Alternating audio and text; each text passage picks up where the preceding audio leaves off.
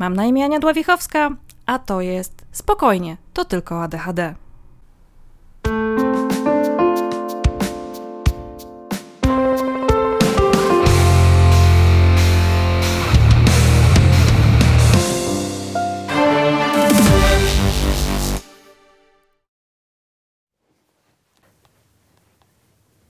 Dwunasty. To dzisiaj będzie dwunasty odcinek. Zainspirowany jest nowym odcinkiem podcastu All the Things ADHD, który jest o przyjaźni. Jak macie ochotę posłuchać albo poczytać, to, bo są też transkrypty tego e, podcastu, to bardzo polecam. Jest to mój absolutnie najukochańszy podcast w ogóle, nie tylko ADHDowy. Boże, chciałabym mieć taką współprowadzącą jak, e, jak albo Amy, albo o Jezu, ja imiona, dramat. No dobra, ale jakby nie o to chodzi. Chodzi o to, że um, Ili, o, Amy Ili, tak. Dzisiaj będzie bardzo adechadowa. no dobra, ale generalnie um, wzięły na tapetę przyjaźń. Przyjaźń osób neuroatypowych i jakie to ma jakie to może sprawiać trudności i z czym się może wiązać i jak, no, jakby nie przystaje do takich standardowych pomysłów czy, czy wizji, czym powinna być przyjaźń. Temat przyjaźni w ogóle dla mnie jest e, super trudny i, i generalnie to właśnie chęć tego, żeby nauczyć się, czym jest przyjaźń i jak się przyjaźnić z ludźmi, to zaprowadziło mnie na drugą z kolei moją terapię, bo masa moich doświadczeń, na przykład ze szkoły podstawowej, ze szkoły średniej, ze studiów, to były przyjaźnie, które dla mnie były złe, które były dla mnie toksyczne. I potrafię to powiedzieć dopiero od niedawna, tak z pełnym przekonaniem. I to rozumiem, chociaż cały czas mi się wydaje, że kurczę, coś, jakby coś jest tak, coś nie gra, kurczę, tak bardzo się staram. Wiele, wiele z moich relacji było bardzo jednostronnych i, i tak naprawdę większość. Bo no właśnie, dlaczego? Um, Dlatego, że y, czułam się osobą inną, odstającą, która nie pasuje i która czuje, że musi zasłużyć na to, żeby i zapracować na to, żeby się ze mną przyjaźnić. I w którymś momencie odkryłam, że dużo lepiej się czuję na uboczu i dużo lepiej mi się funkcjonuje, tak mi się wydawało, kiedy wszystkim pomagam i jakby zasłaniam się uśmiechem, a do tego przecież ja nie umiem takie rzeczy jak, jak nie wiem, jakieś chodzenie na imprezy albo nie, nie wiem, wszyscy ludzie, którzy się tak nie wiem, jakoś przytulają. Dla mnie, dla mnie nastoletniość była trudnym i pełnym niezrozumienia czasem. Łatwo mi też było od tego uciec, ponieważ bardzo szybko związałam się na wiele, wiele, wiele lat, więc jakby te potrzeby interakcji i, i przyjaźni zaspokajałam poprzez mojego partnera. No, niemniej jakby nadal byłam odludkiem, który wbrew pozorom był traktowany jako osoba bardzo też sympatyczna, otwarta, ekstrawertyczna. E, tak, maskowanie.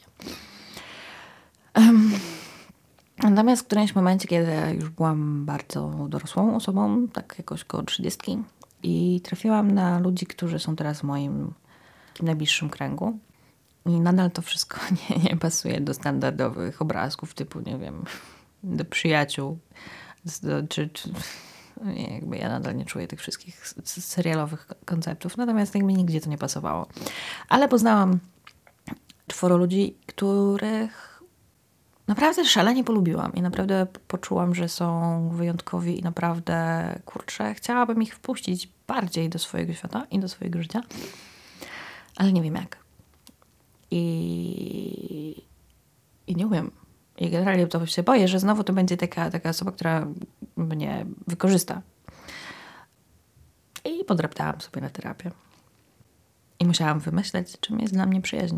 To, Jezu, to było straszne było to tyle trudne, że właśnie brakowało mi jakichś wzorców, które by mi pasowały do mnie, do tego jakby co jest mi bliskie.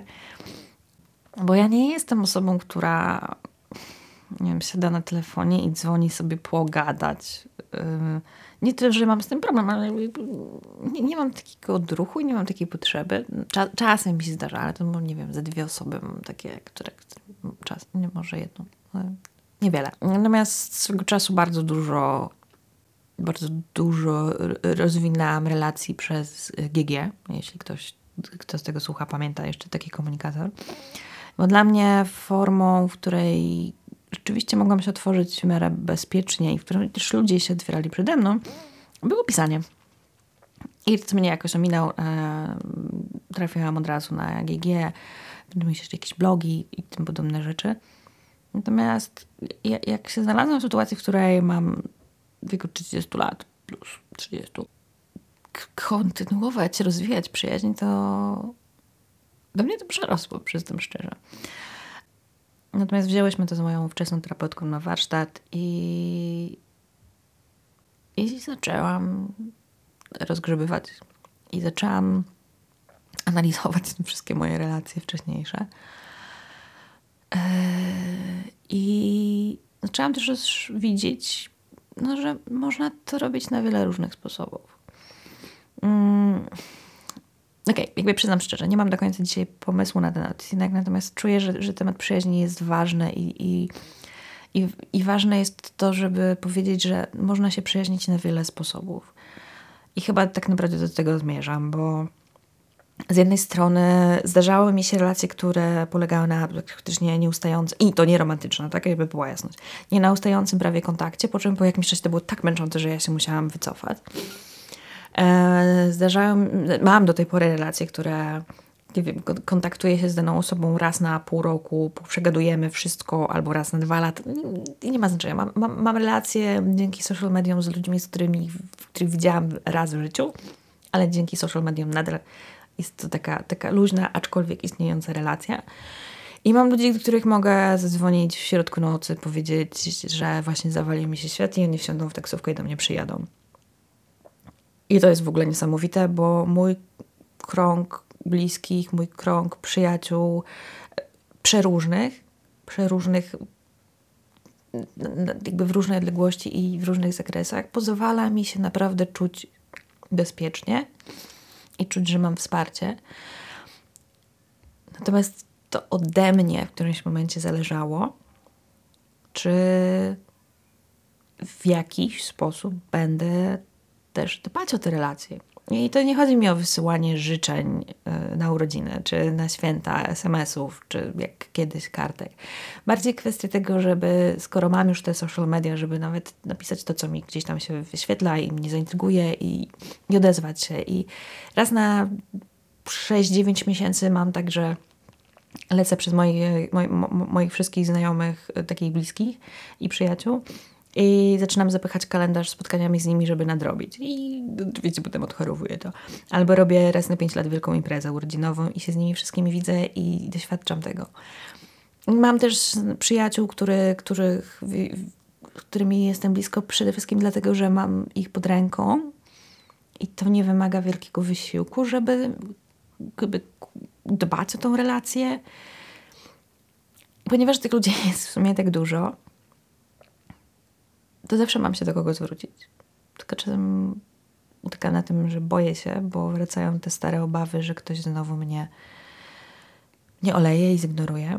Ale powiem Wam taką dobrą rzecz, że jest więcej ludzi, którzy są pozytywni do, dla Was, są, są dobrze nastawieni, z którymi macie relacje. Nie mówię, że musi być jakaś super głęboka, ale macie naprawdę relacje. To jest większa szansa, że jednak znajdzie się ktoś, kto wyciągnie do Was rękę, jak macie gorszy dzień, albo wali Wam się świat, albo gdy szukacie pracy. I, I tak jak zawsze wszystkim powtarzam, dla mnie social media nie są zastępnikiem życia, jest to dla mnie część i forma komunikowania. I przyznam szczerze, że teraz po wysłuchaniu tego ostatniego odcinka um, Amy i Lee one akurat mówią o Twitterze, ale to nie, nie ma znaczenia, czy używacie do tej komunikacji Twittera, Instagrama, Facebooka, Discord, co tam jeszcze, pewnie jeszcze coś jest, ale jeśli macie macie to swoje miejsce, które służy podtrzymywaniu relacji, no serio, te relacje dają się według mnie i w moim życiu przenosić też na, e, na real. Chociaż dla mnie one zawsze są realne, nawet jeśli są tylko w literkach.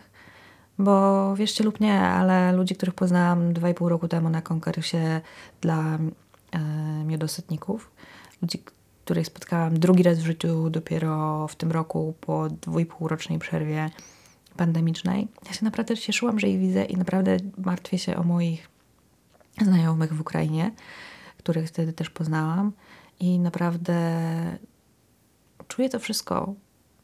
I to nie jest tak, że to, że nie spotykam się z nimi i nie, nie wymieniam pierdyliardem informacji pięć razy w tygodniu, to znaczy, że nie są dla mnie bliscy.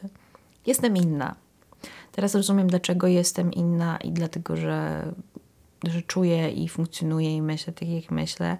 Być może nigdy nie powinnam nawet próbować się wpasować w schemat bycia w relacji przyjacielskiej. Mm, takiej jakiejś takiej serialowej, podręcznikowej. Chyba już tak dawno temu pogodziłam się z tym, że nie pasuje do niczego i nigdzie, albo przynajmniej do, do typowych rzeczy, że zaczęłam sobie układać moje własne schematy i mam trzy różnych dziwnych, bliskich mi i bardzo bliskich ludzi i ludzi, których kocham na milion sposobów.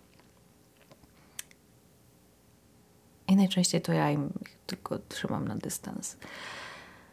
Bo cały czas pozwalam, żeby rany z przyszłości mm, mnie ograniczały. Ale hej, to wszystko jest proces. Mam ich, a oni wiedzą, że jestem dziwna. Niektórzy z nich mają ADHD, niektórzy nie. Znajdźcie sobie swoje, swoje plemię. Warto. Ja wiem, że to jest przerażające. Ja wiem, naprawdę zdaję sobie z tego sprawę. Natomiast warto mieć swoją wioskę. Warto jest szukać i warto jest rozumieć siebie szukając tej wioski, żeby już nie popełniać błędów i nie zbliżać się do ludzi, którzy no, chcieli nas wykorzystać i jeszcze będą mieli pretensje a że się nie daliśmy wykorzystać. E, ludzi, którzy mają to, co lubimy. I ludzi, którzy rozumieją, że niekoniecznie będziemy z nimi chodzić na przykład co piątek na imprezę, ale nie z gruszki, nie z pietruszki możemy się odezwać z zapytaniem, czy masz ochotę spacer, czy cokolwiek innego. Albo iść na koncert, albo hej, wiecie, co lubicie. Szukajcie ludzi, którzy potrafią to z wami dzielić i którzy chcą się dzielić swoimi rzeczami z wami. To mi jest ważne. Dobra. No to moje ADHD plemię. Życzę wam dobrego dnia, e, dobrego wieczora, dobrej nocy i spokojnie. To tylko ADHD.